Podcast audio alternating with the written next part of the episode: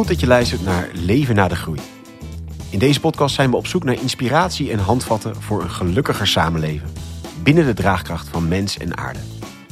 Maandelijks ga ik, Allard Amelink, in gesprek met Paul Schendeling, een van de oprichters van Just Enough en auteur van het boek Er is Leven na de Groei. Elke maand bespreken we een belangrijk thema dat die maand in de aandacht staat. Dit keer kijken we terug op de verkiezingsuitslag. Die is een afrekening met de kabinetten Rutte, maar ook een afrekening met het neoliberalisme. Hoe dat zit en wat we kunnen doen, hoor je in deze aflevering. Kijk in de show notes of op justinaf.nl slash podcast voor meer informatie over alles wat we bespreken.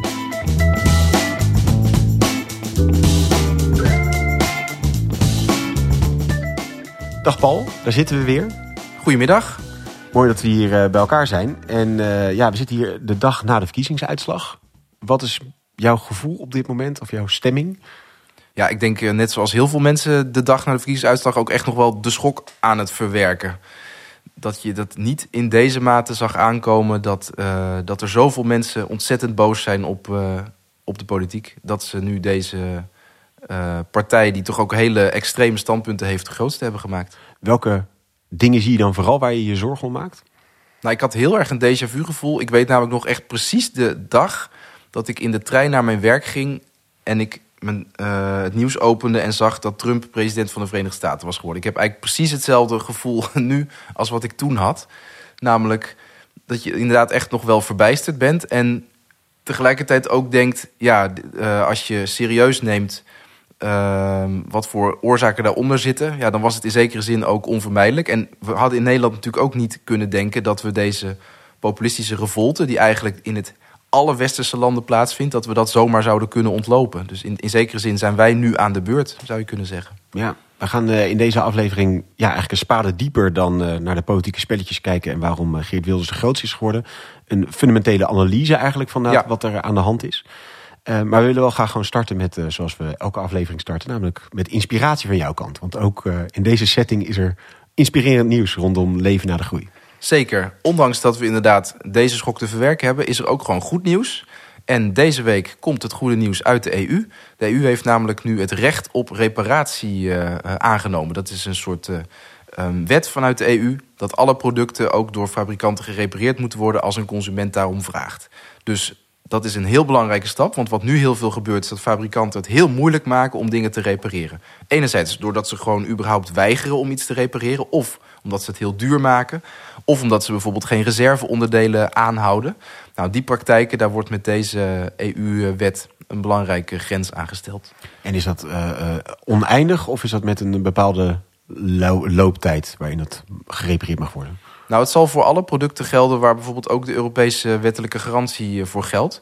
En dat, ja, dat geldt voor, voor alle uh, producten die je kunt kopen die niet voedsel zijn. Dus eigenlijk gewoon letterlijk alles wat je in, uh, in warenhuizen kunt kopen... of alle elektronica en meubels en kleding. Het moet in principe allemaal ook gerepareerd kunnen worden. Ontzettend goed. Ja, nou inderdaad, uh, positieve inspiratie. Een mooie eerste stap. Ja, en ik hoop dat de andere stappen ook gaan volgen. Want repareren is ook nog steeds heel duur. Dus enerzijds zodat reparatieonderdelen super duur worden gemaakt, expres door fabrikanten. Uh, en anderzijds doordat arbeid heel duur is. Uh, dus er zijn echt nog wel stappen te nemen om ook echt repareren de norm te maken. Maar zonder deze eerste stap zouden we daar zeker niet komen.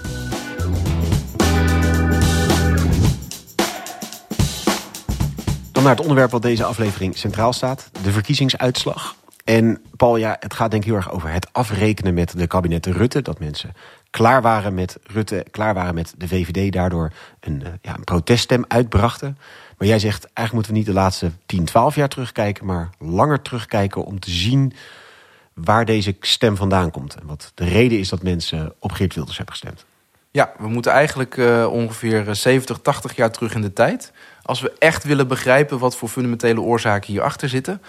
Uh, de analyse die ik straks wil delen, heb ik ook niet zelf bedacht. Ik kwam er zelf mee in aanraking toen ik studeerde, dus ongeveer uh, 10, 15 jaar geleden. Toen heb ik heel veel van de boeken gelezen van Dani Rodrik. Dani Rodrik is een econoom, hij doseert aan Harvard University. Um, hij heeft een uh, Turkse achtergrond. Dus hij weet eigenlijk ook verschillende werelden kent hij uh, van buiten. Dus voor een deel de, de, de, Turkse wereld, maar voor een deel ook de Amerikaanse wereld. Echt iemand die heel veel kennis heeft van globalisering. En hij schrijft al meer dan twintig jaar boeken over de gevolgen van wat hij noemt hyperglobalisering. En hij zet daar heel bewust het woordje hyper voor, omdat hij het eigenlijk waanzin vindt hoe we globalisering op dit moment hebben vormgegeven. En als je die analyses leest, en die, ja, die las ik dus eigenlijk al 10, 15 jaar geleden, dan is het eigenlijk niet verwonderlijk dat bijvoorbeeld in 2016 uh, Trump de verkiezingen won. Omdat hij eigenlijk al echt wel tien jaar daarvoor voorspelde dat hoe we nu onze economische orde inrichten, heel nadelig uitpakt voor grote groepen mensen, die daar dus ook heel nadelige gevolgen van ondervinden. Je zegt globalisering, dat voelt een beetje als een soort force of nature. Van ja, dat is er gewoon. Globalisering ontstaat. Digitale wereld. We handelen steeds meer met elkaar. Maar je zegt dat daar kun je ook een andere keuze in maken. Absoluut. Ja, en eigenlijk is het een um, effect van het neoliberale denken dat we het gevoel hebben dat er geen alternatief is. Dus neem bijvoorbeeld Margaret Thatcher, dat is een neoliberale premier uh, uit het Verenigd Koninkrijk geweest. Zij heeft ook letterlijk de zin uh, geuit: er is geen alternatief. There is no alternative. Uh, Tina afgekort. Tina Thatcher. En ja, ja, there is no alternative. En dat is natuurlijk wat we nu ook de afgelopen 30 jaar op school hebben geleerd en wat iedereen als het ware weet. Er is geen alternatief, er is maar één manier om de wereldeconomie in te richten. En wat is die manier die zeg maar als de manier wordt gepresenteerd? De manier is ja, wat ze dus met een positief frame vrijhandel noemen. Maar wat eigenlijk gewoon betekent dat, uh, dat iedereen letterlijk vogelvrij is. Zo zou je het ook wel kunnen noemen. Dus als je een hele kwetsbare positie hebt op de wereldwijde markt. En dat kan zijn omdat je een ontwikkelingsland bent. Maar dat kan ook zijn omdat je een werknemer bent uh, die inwisselbaar is volgens kapitalisten dan. Hè, voor andere werknemers. Dan heb je een kwetsbare positie. En die zijn eigenlijk in dit wereldwijde systeem vogelvrij verklaard. Die hebben geen enkele vorm van bescherming meer. En wat zijn de positieve kanten vanuit dit verhaal gedacht? Waarom is vrijhandel dan wel een goed idee? Nou, het is een reactie op het systeem dat we na de Tweede Wereldoorlog hebben opgetuigd. En vandaar dat ik het ook heel belangrijk vind om echt 70, 80 jaar terug in de tijd te gaan. Ja, dus we moeten niet. Uh, Rutte is niet het beginpunt hiervan, maar ook Thatcher is niet het beginpunt van deze trend. Eigenlijk. Nee, het gaat nog verder terug. En um, je moet je eigenlijk voorstellen, wij hebben nu een schok van een populistische revolte in eigenlijk de hele westerse wereld. Maar in 1945 moest iedereen bekomen van de schok van de Tweede Wereldoorlog, maar natuurlijk ook van het nationaal socialisme. Um, en um, mijn oma, die is 98 jaar, die heeft uh, in, tijdens de Tweede Wereldoorlog Duitsers ingekwartierd gekregen, uh, Duitse soldaten. En heeft dus ook wel eens aan zo'n Duitse soldaat gevraagd van... Uh, wat bezielt jou, echt met, met enorme natuurlijk schok en verbazing in de ogen... dat jij ja, op Hitler hebt gestemd. En toen heeft die soldaat geantwoord: Hitler geeft ons brood. En Hitler geeft ons brood, dat is een zinnetje van drie woorden. Maar dat, die drie woorden die hebben een hele lange echo gehad. Dus in 1945 waren alle politici van echt bijna alle politieke stromingen ervan overtuigd. Als we dit nooit meer willen, dan moeten we ervoor zorgen dat we mensen beschermen die een kwetsbare positie hebben. Uh, omdat natuurlijk in Duitsland uh, na de Eerste Wereldoorlog was er hyperinflatie geweest. Daardoor zijn echt hele grote groepen mensen tot de bedelstaf uh, teruggebracht. Hadden ook letterlijk niet te eten. en hebben daardoor dus hele extreme dingen gedaan, zoals op Hitler stemmen. En toen hebben ze dus nagedacht over een architectuur van de economie... die voorkomt dat je mensen tot wanhoop drijft. Hm. Economisch gezien. En toen hebben ze iets bedacht wat eigenlijk al door John Maynard Keynes... dat is een van de bekendste economen al in de jaren 30 is bedacht. Um, ook goed om trouwens te noemen dat uh, we hebben het nu over ja, Duitsland na de Eerste Wereldoorlog, maar ook in Nederland na de Eerste Wereldoorlog was er gigantische economische ellende. Dus omdat mijn oma zo oud is, kan ze ook daarover vertellen. Ja. Ook in Nederland waren er toen ouderen die uh, dakloos waren, die uh, straatarm waren. Die eigenlijk alleen maar aan de diaconie van de kerk nog konden vragen om een beetje steun. Want er was ook geen sociaal vangnet vanuit de overheid. Uh, dat had ook echt te maken met de grote depressie, waar misschien de luisteraar wel eens van heeft gehoord. Dat was de grootste economische crisis van uh, ja, ooit eigenlijk, van, zeker de grootste van de 20e eeuw. Die begon in 1929. En John Maynard Keynes bedacht in de jaren 30 oplossingen om dat, dat soort ellende voorgoed te voorkomen. En dat en, wordt ook wel het Keynesianisme genoemd. Ja, en wat ik van Keynes weet is dat het tegen de conjunctuur in investeren. Dus als het economisch minder gaat, juist meer investeren en als het economisch beter gaat, weer wat bezuinigen. Precies. En dat is een van zijn meest bekende theorieën geweest, die trouwens ook in de praktijk is gebracht en wat uitstekend heeft gewerkt. En waarmee je dus kwetsbare werknemers beschermt. Want stel, je zou mensen niet beschermen tegen conjunctuurschokken, tegen recessies, heel simpel gezegd. Dan zou het gewoon betekenen dat als er een recessie komt, fabriekseigenaren gewoon kunnen zeggen: Nou, we ontslaan gewoon 10, 20, 30 procent van ons personeel. En als dan de economie weer aantrekt, dan nemen we die mensen weer aan. Maar in de tussentijd betekent dat natuurlijk doffe ellende voor die mensen die ontslagen zijn.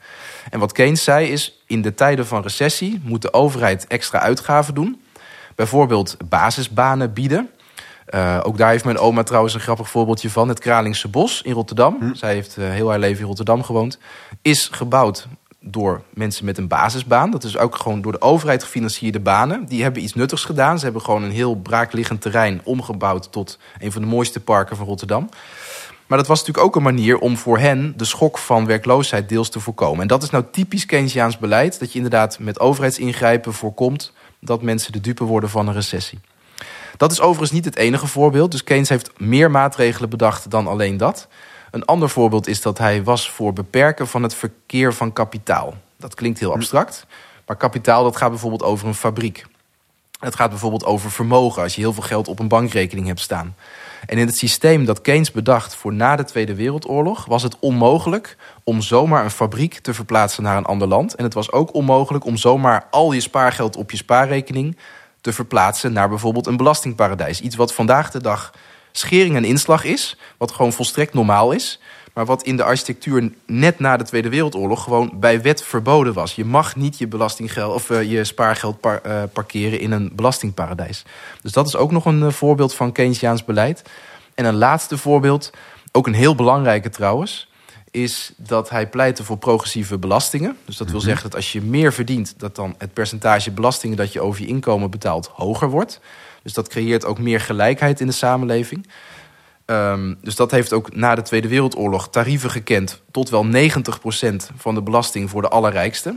De Beatles hebben daar nog een liedje over gemaakt waarin ze daarover klagen. Ja. Dus zelfs de Beatles vonden dat vervelend. Dat vonden ze heel hoog inderdaad. En dat was uiteraard ook weer bedoeld om de meest kwetsbare werknemers te beschermen. Want die betaalden veel minder belasting. En van die progressieve belastingen hebben ze vervolgens de verzorgingsstaat opgebouwd. Iets waar we tot op de dag van vandaag dankbaar voor zijn. En ook weer even terugdenkend aan wat mijn oma vertelde, want dat staat mij echt nog steeds uh, op mijn netvlies gegrift. Die ouderen die bijvoorbeeld geen AOW hadden en echt straatarm waren, je oude dag in armoede doorbrengen zonder sociaal vangnet, is natuurlijk gewoon verschrikkelijk. En dankzij progressieve belastingen hebben we een AOW gekregen. Als ik aan mijn oma vraag wat is haar meest levendige politieke herinnering, dan is het de herinnering dat Drees de AOW aankondigt. Hm. En mijn oma zou ook nu zonder AOW ook straatarm zijn. Ze heeft geen aanvullend pensioen. Zonder AOW zou ze ook uh, in armoede leven. Dus wat progressieve belastingen hebben teweeggebracht aan mooie sociale projecten, dat is echt ongekend. En ik denk ook dat niemand uh, terug wil naar de situatie dat we dat niet, uh, niet hadden. Dus progressieve belasting is nog een heel mooi voorbeeld van Keynesiaans beleid. En tot slot is er um, een systeem ingevoerd. Nou, de, naam dat doet er verder niet toe. Het heet Bretton Woods, technisch gesproken. Maar wat het betekent, is dat alle wisselkoersen aan elkaar gekoppeld worden. Om er ook voor te zorgen dat internationale handel gestabiliseerd wordt. En niet wordt verstoord door grote schokken in wisselkoersen. En in dat systeem was bedacht dat als een land heel veel sociale maatregelen trof, bijvoorbeeld sterke vakbonden had met hoge looneisen, met een hoog minimumloon of hoge progressieve belastingen, dat die landen hun munt konden devalueren ten opzichte van die vaste wisselkoersen die waren vastgelegd. En devalueren betekent dat je je munt minder waard wordt ten opzichte van andere munten. Dan denk je, dat heeft ook nadelen, dat klopt. Bijvoorbeeld het importeren van producten wordt uh, duurder. Maar het ja, heeft want ook... jouw guldens zijn minder waard ten opzichte van een andere Ja. munt... waardoor je relatief minder spullen kan kopen. Dat betekent het heel concreet. Dus stel inderdaad, Nederland heeft een hoog minimumloon. Daardoor wordt onze economie duur relatief. Dan kun je de gulden goedkoper maken, waardoor je ook weer producten aan het buitenland kunt verkopen. Dat ze niet belachelijk duur zijn. Dus het nadeel is, import wordt duurder. Dus je kunt minder makkelijk spullen uit het buitenland kopen. Eh, dat was toen trouwens niet zo'n heel groot probleem, want eh, we hadden toen nog geen globalisering. Dus de meeste producten maakten we gewoon zelf.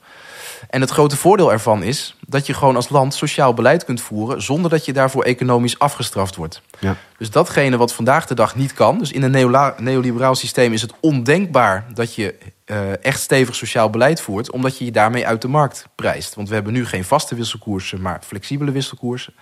Dat betekent gewoon dat als je hoge arbeidskosten hebt, bijvoorbeeld doordat je een hoog minimumloon hebt, ja, dan, dan gaan gewoon andere landen niet meer van jouw producten kopen en heb je een heel groot probleem. Maar in het systeem van Keynes, omdat je je munt kon devalueren, kon je ook echt sociaal beleid voeren zonder dat je daarmee economisch een heel groot nadeel had. Je kon nog maar een paar keer aanlaten. Dit kantelt. Wat was de aanleiding om dit anders te gaan doen? Waarom kwamen de krachten die zeiden: dit systeem van Keynes deugt niet? Nou, het is wel grappig dat je de Beatles noemde. Dat, uh, dat is een heel uh, bijzonder groepje vermogenden. Uh, die werden rijk van steengoede liedjes schrijven en zingen. Maar eigenlijk zagen al heel veel mensen aankomen, zelfs al voor de Tweede Wereldoorlog, dat er zo'n sociaal-democratisch systeem zat aan te komen. en met name natuurlijk als je heel veel verdient, heb je daar ook nadelen van. Of bijvoorbeeld als je een fabriek hebt en je wilt hem graag verplaatsen, of je hebt een hoge spaarrekening en je wil graag je geld stallen in een land met lagere belastingen. In een sociaal-democratisch Keynesiaans systeem kan dat allemaal niet. Dus al voor de Tweede Wereldoorlog, ja, het is echt ongelooflijk maar waar, maar in 1939 schreef een andere econoom, Friedrich Hayek, schreef al een, uh, een essay waarin hij een architectuur neerzette die we nu neoliberaal noemen. En dat was een architectuur die erop gericht was om al die vormen van bescherming van kwetsbare mensen, dus bescherming tegen conjunctuurschokken, uh, maar bijvoorbeeld ook uh, bescherming uh, tegen armoede door het opbouwen van een verzorgingsstaat en hoge progressieve belastingen, om al die vormen van bescherming weer te gaan afbreken. En daar schreef hij dus een plan voor in 1939 voor de mensen die het even willen googlen. The Economic Conditions of Interstate Federalism. We zetten hem wel even in de show notes. En hij schrijft er eigenlijk een heel politiek programma... waarin hij de volgende programmapunten naar voren brengt. De staat moet geen invloed meer hebben op prijzen en lonen. De staat moet geen invloed hebben op arbeidsnormen. Bijvoorbeeld hoeveel uren je in de week werkt. De staat moet zich minder gaan bemoeien met eh, monetair beleid. Dus bijvoorbeeld of je je munt wel of niet kunt devalueren. De staat moet minder mogelijkheden hebben om de eigen industrie te beschermen met handelsbarrières. De staat moet uh, minder economische solidariteit mogelijk maken. Dus je moet vakbonden en hun invloed inperken. En er moet minder verontwaardiging zijn over economisch misbruik ver weg.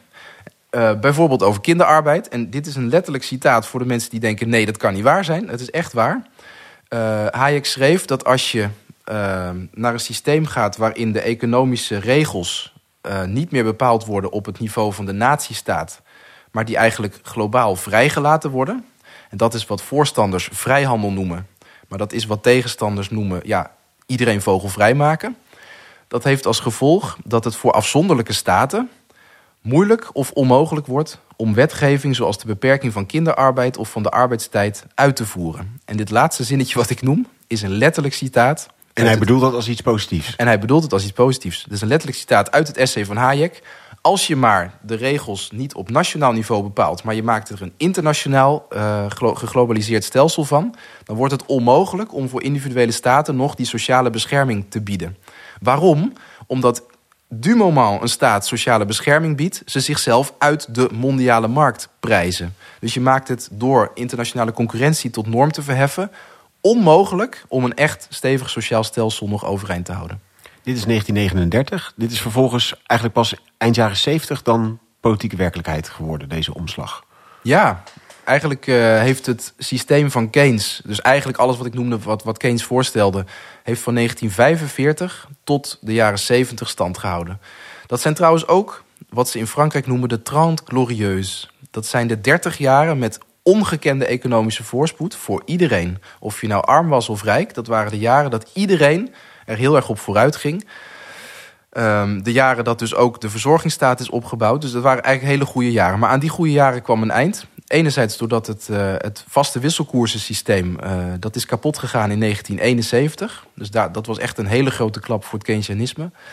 Uh, de oliecrisis kwam ook in de jaren 70. Dat was de volgende klap. Um, doordat er geen vaste wisselkoersen meer waren... en landen zich niet meer konden beschermen... werden de industrieën van westerse landen te duur om nog concurrerend te zijn. Dus toen hebben ze ook, uh, met name in het Verenigd Koninkrijk en de Verenigde Staten, de macht van vakbonden ingeperkt. En hebben ze heel veel fabrieken gesloten en mensen op straat gezet. En dat is eigenlijk wat we nu noemen de neoliberale revolutie. Want toen hebben ze eigenlijk gewoon de plannen van Hayek uh, weer uh, uit de kast uh, gepakt. Sterker nog, ze hebben in die tussenliggende 30 jaar, die de Trant Glorieus heet, hebben ze gewoon ook systematisch een neoliberaal programma verder uitgewerkt. En toen Reagan en Thatcher aan de macht kwamen, hebben ze dat programma dus ook doorgevoerd. Misschien vraag je dan als luisteraar af: hé, hey, maar hoe kan het nou dat we dan in Nederland daar nu ook de gevolgen van hebben? Nou, omdat ze eigenlijk, Reagan en Thatcher, hier ook een mondiale economische structuur van hebben gemaakt. Waar eigenlijk alle westerse landen aan deelnemen. Ja. Dus misschien heb je wel eens gehoord van de Wereldbank of van het IMF of van de Wereldhandelsorganisatie, WTO. Dat zijn eigenlijk allemaal instituten die uit het neoliberale tijdperk komen. En die zijn er allemaal op gericht om kapitaal vrij over de wereld te laten stromen. Dus als je je fabriek wil verplaatsen omdat daar de lonen lager zijn, dan doe je dat gewoon. Als en als land mag je dat niet tegenhouden? Je mag het niet meer tegenhouden. Je mag je eigen industrie niet meer beschermen. Dus je zult al je eigen fabrieken moeten sluiten. Uh, je mag gewoon je spaargeld naar een belastingparadijs uh, verplaatsen.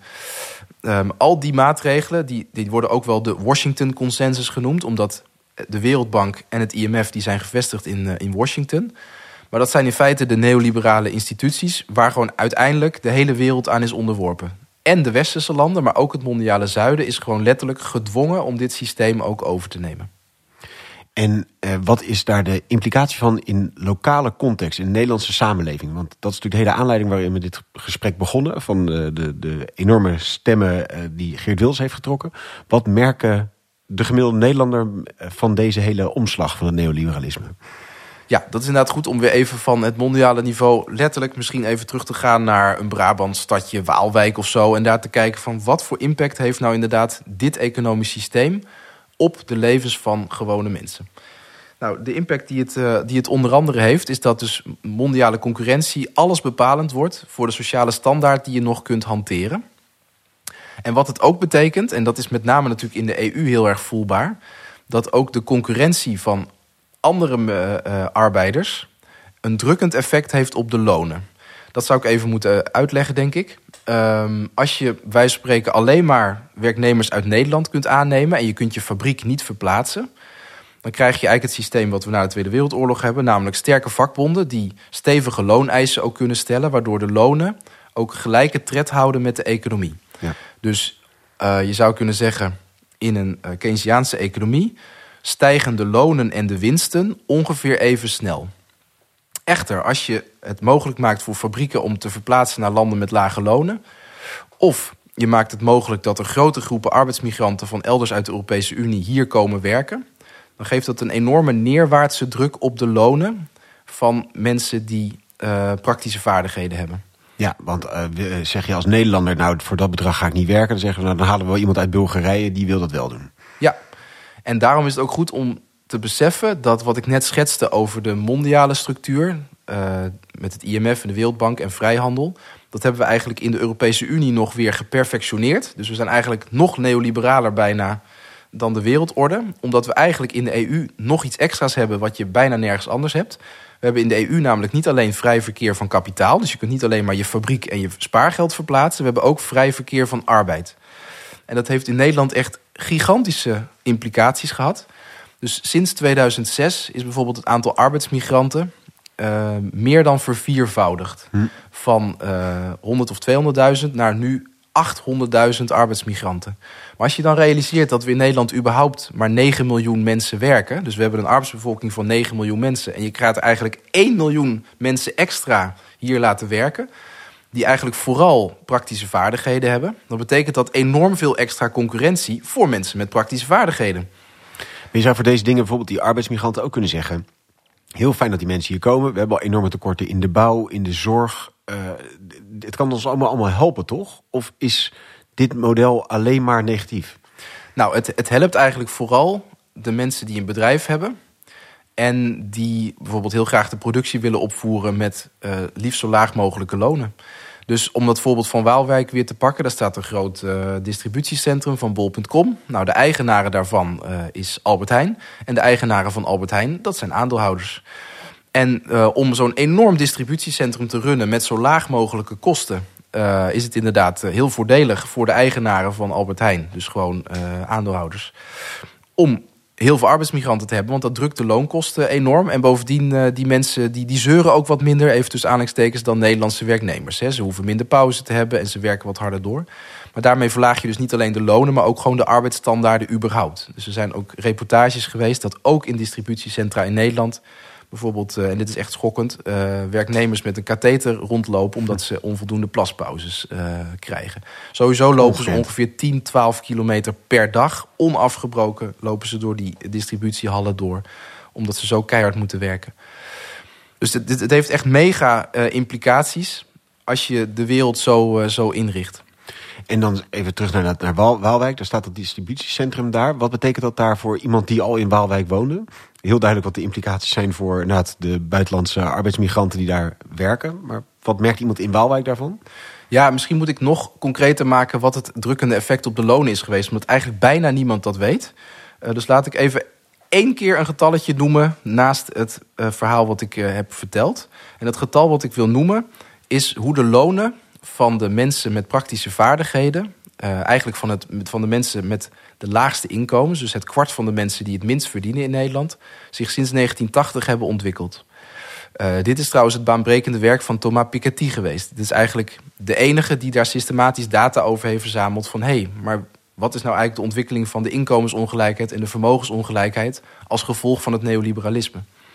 Nou, wat je ziet is dat toen we het Keynesianisme hebben afgeschaft, de lonen niet meer gelijke tred hebben gehouden met de winsten. Dat betekent eigenlijk heel simpel gezegd: de winsten zijn enorm gestegen en de lonen zijn gestagneerd.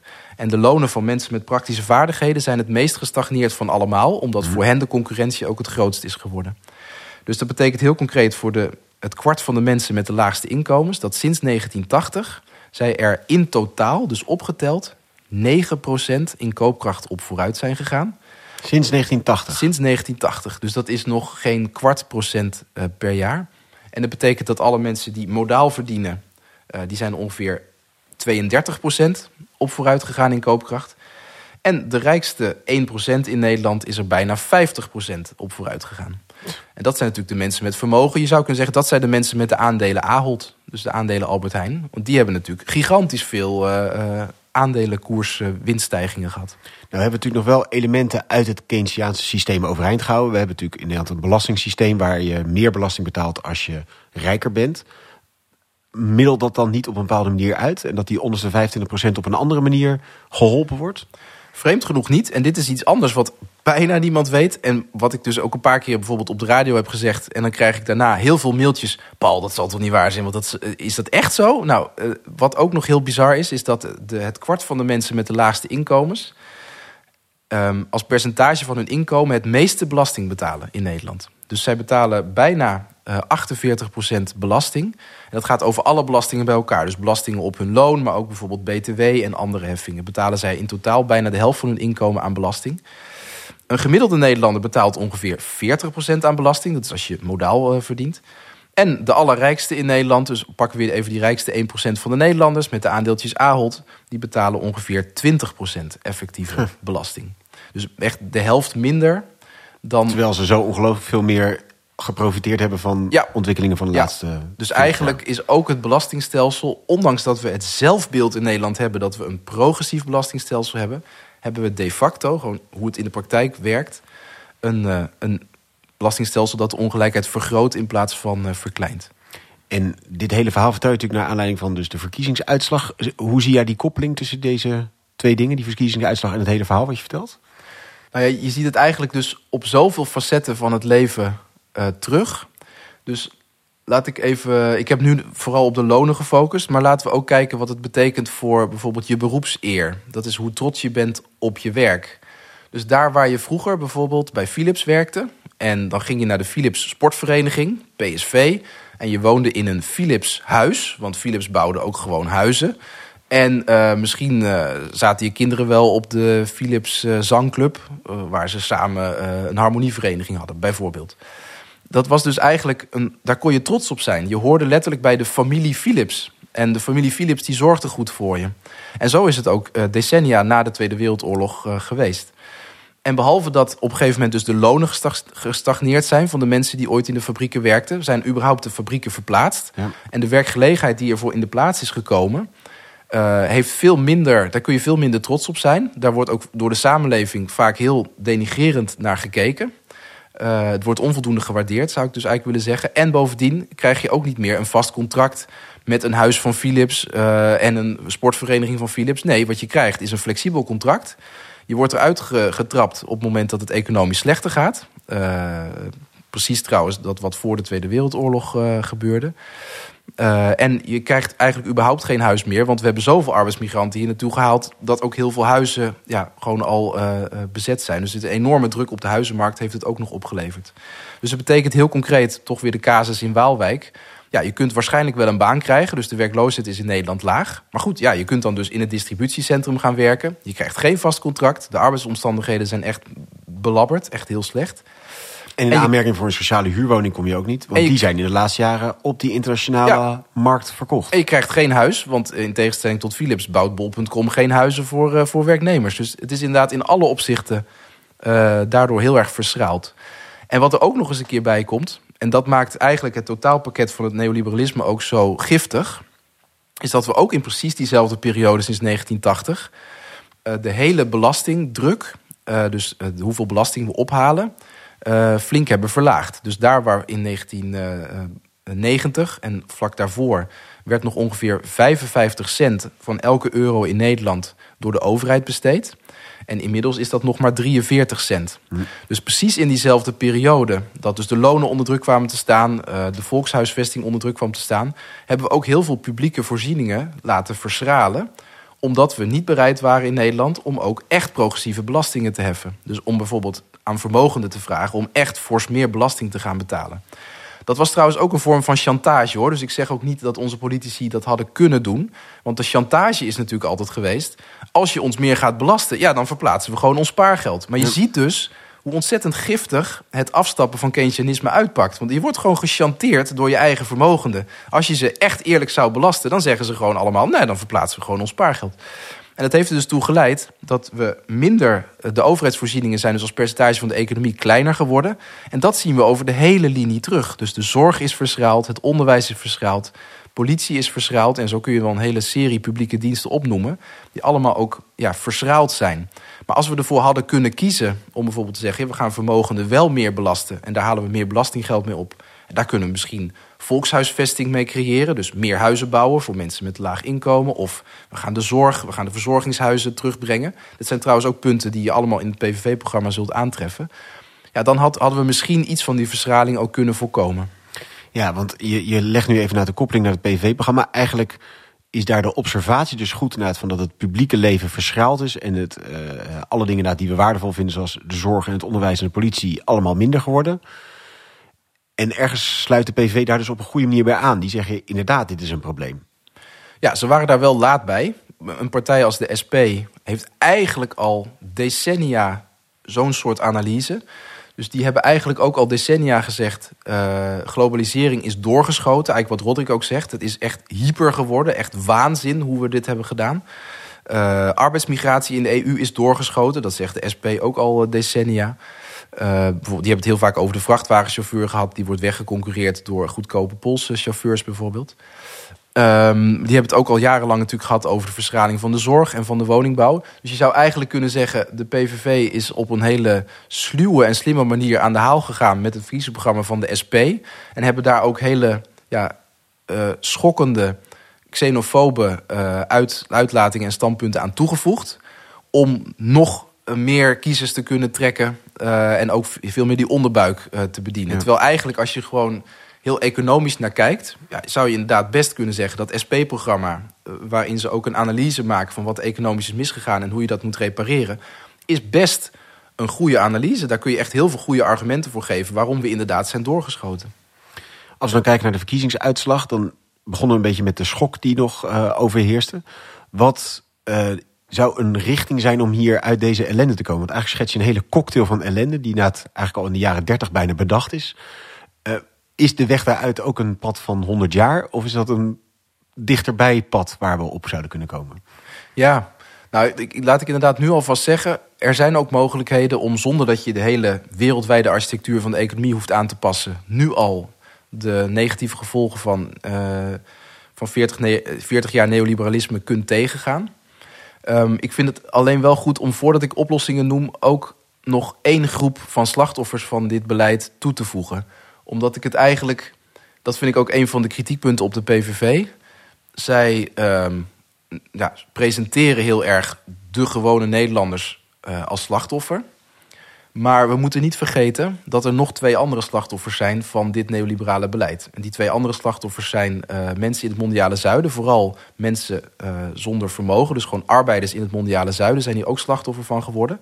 Op precies dezelfde manier zoals Nederlandse arbeiders daar het slachtoffer van zijn. En het mondiale milieu. Dus we hebben namelijk, dat wordt ook vaak wel de race naar de bodem genoemd. Als je niet meer als natiestaten zelf kunt beslissen welke sociale standaarden, dus bijvoorbeeld uh, lonen of uh, arbeidsomstandigheden, je kunt hanteren, of welke milieustandaarden je kunt hanteren. Bijvoorbeeld dat je geen giftige stoffen mag gebruiken als je een spijkerbroek maakt. Op het moment dat dat niet meer op nationaal niveau vast te stellen is, betekent het dat bedrijven hun fabrieken gaan verplaatsen naar de landen met de laagste standaarden. Dus de ja. laagste milieustandaarden en de laagste arbeidsstandaarden. Dat heeft uh, in het mondiale zuiden ertoe geleid dat daar de lonen ook helemaal niet goed zijn ontwikkeld. Dus eigenlijk, China wordt vaak genoemd als uitzondering. Maar dat is echt letterlijk een uitzondering op de regel. De regel is dat landen in het mondiale zuiden ook qua loonontwikkeling een stagnatie hebben doorgemaakt. Dat zij meer basisvoedsel zijn gaan importeren dan vroeger. Dus dat ze minder mm. zelfvoorzienend zijn qua voedsel. Maar bijvoorbeeld ook dat zij miljoenen mensen aan het werk moeten zetten voor export naar het mondiale noorden. Waar ze eigenlijk maar heel weinig voor terugkrijgen. En misschien nog wel het belangrijkste. Zij moeten daar, gedwongen door multinationals, milieustandaarden hanteren die desastreus zijn voor de leefomgeving. Dus ze moeten daar giftige stoffen gebruiken voor, om spijkerbroeken te bleken, die in de EU al lang verboden zouden zijn. En op het moment dat een ontwikkelingsland probeert om die standaarden te verhogen, dat is zo cynisch, kan er zo boos op worden, dan verplaatsen die bedrijven hun productie gewoon nog een keer. Dus bijvoorbeeld uh, op het moment dat China zegt... we gaan bijvoorbeeld uh, wat, het water wat schoner maken... of we gaan arbeiders wat beter betalen... wat zeggen dan de multinationals? Oh, dan verplaatsen we de fabrieken wel naar Vietnam... want daar zijn ze nog niet zo ver. En als Vietnam dan straks zo ver is... ach, dan verplaatsen we het wel naar Laos of uh, misschien naar Kenia... want hè, daar hebben ze die standaarden ook niet. Dus het is een ontzettend cynisch spel... Ja. waarbij de, de standaarden voor arbeid en milieu... steeds verder naar beneden zijn geduwd. Ja, dus daarmee zou er eigenlijk veel eerder een soort solidariteit moeten zijn wereldwijd van mensen die in deze situatie zitten. Dan dat daar een, een, een haatblik is richting mensen in het buitenland. En dat, dat is dus echt zwaar onterecht aan de PVV-agenda. Dat ze inderdaad doen alsof, ja, alsof er in Nederland alleen maar slachtoffers zijn. Terwijl natuurlijk in feite gewoon ook buiten Nederland ook heel veel slachtoffers zijn. En laten we niet vergeten, ook de arbeidsmigrant zelf ik heb net ook geschetst in wat voor verschrikkelijke omstandigheden die hier in distributiecentra moeten werken. Laat staan als je arbeider bent in een Chinese fabriek en je werkt 12 uur per dag, zes dagen per week voor een hongerloontje. Dus ook voor hen is dit natuurlijk een systeem dat hele, hele uh, nadelige consequenties heeft gehad. Weer naar de oplossingen na dan, want moet dat hele systeem op de schop om hier uit te komen? Ja, ik, ik wil zo meteen best ook even schetsen wat er mondiaal anders zou moeten uh, om dit mondiaal op te lossen. Daar heeft Dani Rodrik echt fantastische ideeën over. Maar laten we eens beginnen. Wat kunnen we in Nederland al doen? Gewoon veel praktischer. Nou, om te beginnen, wat we kunnen doen, is ervoor zorgen dat belastingen echt progressief worden. Dat is dus niet het geval wat ik net schetste. Dat is echt shocking. Ja. Misschien vraag je dan als luisteraar af: hé, hey, maar wacht. Dan gaan al die uh, rijke mensen toch hun spaargeld verplaatsen. Nou, het goede nieuws is: er zijn nu ook manieren om dat tegen te gaan. Hm. Dat heet een, uh, een exit tax, dus een uh, ja, verlaatbelasting. Dus als je het land verlaat, dus als je bijvoorbeeld emigreert, zoals uh, Max Verstappen, of, die, of je zegt van, uh, nou ga ik lekker met mijn spaargeld, ga ik wel naar Monaco toe. Nou, dan krijg je dus voor 15 jaar een hele hoge belasting op het vermogen wat je eerst in Nederland had staan. En dat is dus een enorme ontmoediging. die belasting is er of die mogelijkheid is er? Die mogelijkheid is er al. Er zijn al EU-landen die dit doen. En we zouden in Nederland ook gewoon meteen moeten beginnen door een Max Verstappen-belasting eh, in te voeren. Het is gewoon schandalig. Uh, ja, trouwens, nog los van de milieu-impact van Formule 1. Maar dat je gewoon zoveel geld kunt verdienen. Je hebt het allemaal te danken ook aan het systeem in Nederland. Je bent goed opgeleid, je hebt alle kansen gehad in het leven. En dan, ja, wat krijg je dan terug als land? Ja, stank voor dank. Ik verplaats gewoon mijn spaargeld wel. Dus dat kun je voorkomen met zo'n belasting. En als je zo'n exitbelasting op vermogen invoert, dan kun je dus ook de belasting op vermogen, zeker voor de mensen met het meeste spaargeld, flink verhogen. Dat heeft meerdere effecten. Het, het, kan er enerzijds voor zorgen dat je de belasting voor mensen met lage inkomens flink kunt verlagen. En het heeft als tweede effect dat met het extra geld wat je ophaalt, kun je natuurlijk ook de publieke voorzieningen uh, steviger maken. Dus die verschraling van de afgelopen 40 jaar, dat we eigenlijk nog maar 43 cent van elke euro via de overheid uitgeven. Dat zou je letterlijk kunnen terugdraaien als we uh, vermogens progressief zouden gaan belasten. En met het oog op de vergrijzing lijkt me dat ook economisch gezien heel zinvol. Dus we gaan nu heel veel zorgkosten krijgen, tijdelijk, tot 2040. Omdat de piek van de vergrijzing zit in 2040. Waarom zouden we niet, door vermogensprogressiever te belasten in de periode tot 2040 55 cent van elke euro gaan uitgeven via de overheid. Namelijk aan zorg voor, omdat we nu tijdelijk gewoon wat extra ouderen hebben. We zouden ook die belastingen kunnen gebruiken om de klimaattransitie te maken. Maar bijvoorbeeld ook een deel van het geld kunnen gebruiken om voor de 25% laagste inkomens een klimaatdividend te betalen. Dat betekent heel concreet een, een extra uh, toeslag voor mensen, zodat ze ook producten met een lange levensduur kunnen kopen. Met andere woorden, als je die neoliberale denktrand probeert te doorbreken... en je gaat weer meer Keynesiaans denken... en in feite alles wat ik nu schets, dat zijn gewoon hele neo-Keynesiaanse oplossingen... dan kun je dus ook weer heel veel van die negatieve tendensen... van publieke verschraling en lonen die onder druk staan... en dat de vermogenden overal mee wegkomen en bijna geen belasting betalen... je kunt dat voor een deel ook echt met een binnenlandse agenda al terugdraaien. Natuurlijk is het ook heel belangrijk dat we niet alleen maar in termen van geld denken... Ik heb geprobeerd dat ook aan te stippen en ik zou dat nogmaals willen benadrukken. Het is echt schandalig hoe weinig waardering mensen met praktische vaardigheden in Nederland krijgen. Ja, door corona is dat ietsje verbeterd. Want toen hebben we in ieder geval nog een keer geapplaudiseerd voor de zorg. Ja. Geapplaudiseerd en we hebben toen ook gezegd: jullie hebben een essentieel beroep. En dat was, dat, nou, dat was in ieder geval een heel klein beetje compensatie voor jarenlang dat er toch op hen is neergekeken van ja, praktische vaardigheden ja, dat, dat is toch minder dan dat je theoretisch uh, geschoold bent. Overigens, in de dorpen zelf, ik ben zelf opgegroeid in een dorp, uh, is de cultuur precies andersom hoor. Dus daar, uh, ik ben opgegroeid in een klein dorpje en daar zeiden mensen altijd: ja, als je iets met je handen kunt, dan kun je echt wat. En als je alleen maar met je hoofd dingen kunt bedenken, ja, wat levert dat nou op? Dus het is wel grappig hoe ook die kloof stad-platteland eigenlijk ook al heel lang speelt eigenlijk. En dat dat ook heel veel te maken heeft met een ervaren gebrek aan waardering. En waarvan je dus zegt, het gaat niet alleen om het geld, het gaat ook om deze softe kant eigenlijk ervan. De eigenlijk wel, kant. ja. En die waardering die kun je denk ik het beste uitdrukken niet door een applaus, maar door kwalitatief goede banen te creëren. En wat bedoel ik met een kwalitatief goede baan?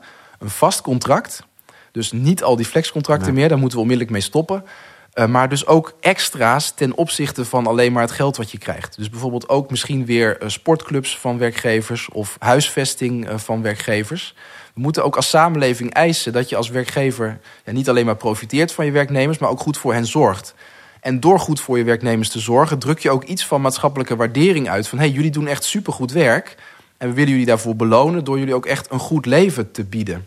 Net zoals ja, meneer Philips, die Anton Philips, ook echt zijn waardering voor zijn werknemers uitdrukte door voor hen mooie dingen te organiseren. Dus daar zou je ook echt weer uh, aandacht voor moeten kunnen hebben. Dus dat, dat is ja, meer de zachte kant van, uh, van het verhaal, denk ik. En tot slot mondiaal, Naad, wat zouden daar kort de grote klappen moeten zijn? Ja, de grote klap zou kunnen zijn, en dat uh, voor de mensen die dat wat uitgebreider willen lezen, er is een heel mooi boekje van Dani Rodrik, Straight Talk on Trade. Ideas for a Sane World Economy. Ja, geen insane, die ondertitel, die ondertitel vind ik echt heel grappig, omdat er eigenlijk staat uh, dus uh, hoe we van een waanzinnige economie weer naar een gezond verstand economie teruggaan. En wat hij eigenlijk zegt is nog niet eens zo heel ingewikkeld. Het zijn eigenlijk maar twee punten, super simpel. Hij zegt A, het mondiale zuiden moet de kans krijgen om de eigen opkomende industrieën te beschermen. Zij worden nu, doordat er mondiale concurrentie is, hebben ze geen enkele kans om op te klimmen op de ladder van, van economische activiteiten. Dus ze kunnen bijvoorbeeld niet, als ze alleen cacaobonen telen, daar ook chocola van maken. Want Zodra ze proberen een chocoladefabriekje te starten, worden ze weggeconcurreerd door een chocoladefabriek in Zaandam in Nederland. Immers, we hebben vrijhandel en je mag op geen enkele manier een beginnend chocoladefabriekje in Ghana beschermen met een handelstarief. Dat is namelijk verboden door de neoliberalen sinds 1980.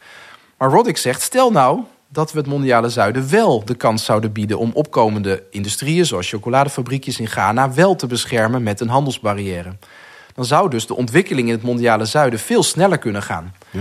Uh, tussen twee haakjes. Dit is trouwens precies hoe China en Japan en Zuid-Korea zijn opgeklommen door hm. hun eigen industrieën te beschermen. Dus waarom zou dat niet mogen?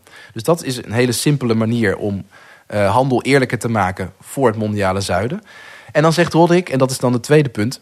In ruil daarvoor zou het mondiale noorden de gelegenheid moeten krijgen om de eigen arbeids- en milieustandaarden te hanteren bij de import van producten. Ja. Dus dat je dus ook die vervuilende dingen uit zo'n land niet kan importeren. Dus die fabrieken niet meer de prikkel krijgen om die race op de bottom te doen. Exact. En dan heeft een fabriek in het mondiale zuiden heeft dus uh, twee mogelijkheden. Of ze beschermen hun industrie en gaan produceren voor hun eigen bevolking. Wat volgens mij hun goed recht is. Want ieder land wil gewoon eerst uit de armoede groeien. Dus dat, dat snap ik helemaal. Of ze kiezen ervoor, we willen toch exporteren naar de Europese Unie. Maar dan moeten ze ook voldoen aan de arbeidsstandaarden en de milieustandaarden van de EU. Dus dan mogen ze bijvoorbeeld niet meer zwaargiftige stoffen gebruiken bij het bleken van die spijkerbroek. En wat heeft dat voor goede gevolgen voor het mondiale noorden? Nou, dat betekent dat al die fabrieken die zijn verplaatst naar landen uh, met lage arbeids- en milieustandaarden, dat die misschien voor een deel weer terug kunnen komen. En dat je misschien gewoon weer als ondernemer kunt zeggen: ik ga met goede arbeids- en milieustandaarden in de EU spijkerbroeken maken, dat soort dingen. En daarmee kun je dus ook weer iets van die, die arbeidseer, van trots zijn op je werk. Ik maak een mooi product, zou je kunnen terugbrengen in de Europese economie. En ik denk dat dat met name voor die waardering voor mensen, dat ze ook echt iets moois maken, dat dat echt heel belangrijk eh, aspect kan zijn. Nog los van het feit dat je daarmee natuurlijk een gigantische milieuwinst eh, kunt boeken.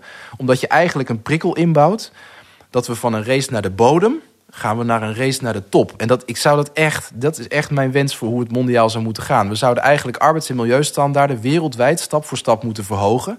Zodat en, ja, laten we zeggen, al die milieuvervuilende praktijken stapsgewijs worden uitgefaseerd. En zodat mensen in het mondiale noorden en zuiden fatsoenlijk betaald kunnen worden en onder fatsoenlijke omstandigheden kunnen werken. Ik vind het mooi, Paul, want je, uh, we begonnen bij een hele concrete actuele uitslag van, van 22 eh, november. En je zoomt eigenlijk uit door te schetsen hoe dat een hele langlopende trend is. Een doelbewust ingezette trend is. Ja. En ergens dus de onvrede en de woede die zich nu projecteert op Rutte of op de gevestigde politiek. En bij onder Fortuyn gebeurde dat al, et cetera. Eigenlijk dus een terechte woede is. Maar daar op geen enkele manier eigenlijk nog een adequaat antwoord op gevonden wordt. Dus dat is ook wel een uitnodiging om wel een goede antwoorden te vinden. Wat je net eigenlijk al wel een beetje in het begin van de schets van geeft. Maar het mooie is, we moeten de woede in die zin erkennen dat die er is en dat die terecht is.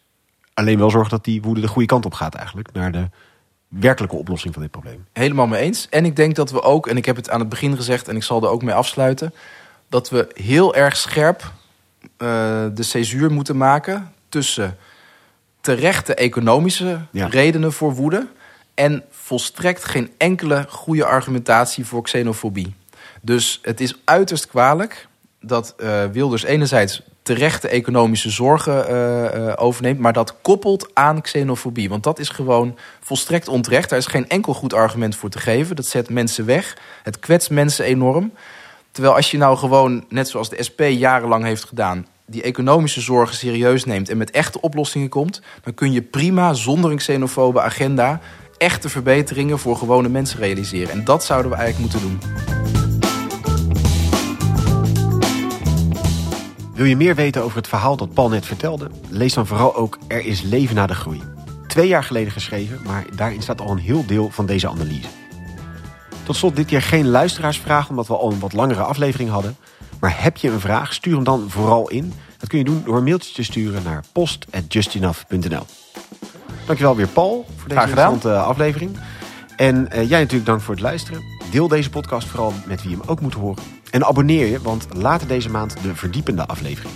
Dit keer gaat het over postgroei en ontwikkelingssamenwerking. Want wij hier in het Rijke Westen kunnen het wel met minder willen gaan doen. Maar wat betekent dat voor mensen in het mondiale zuiden? Die hunkeren toch juist naar groei? Je hoort het volgende keer in Leven na de Groei. Graag tot dan.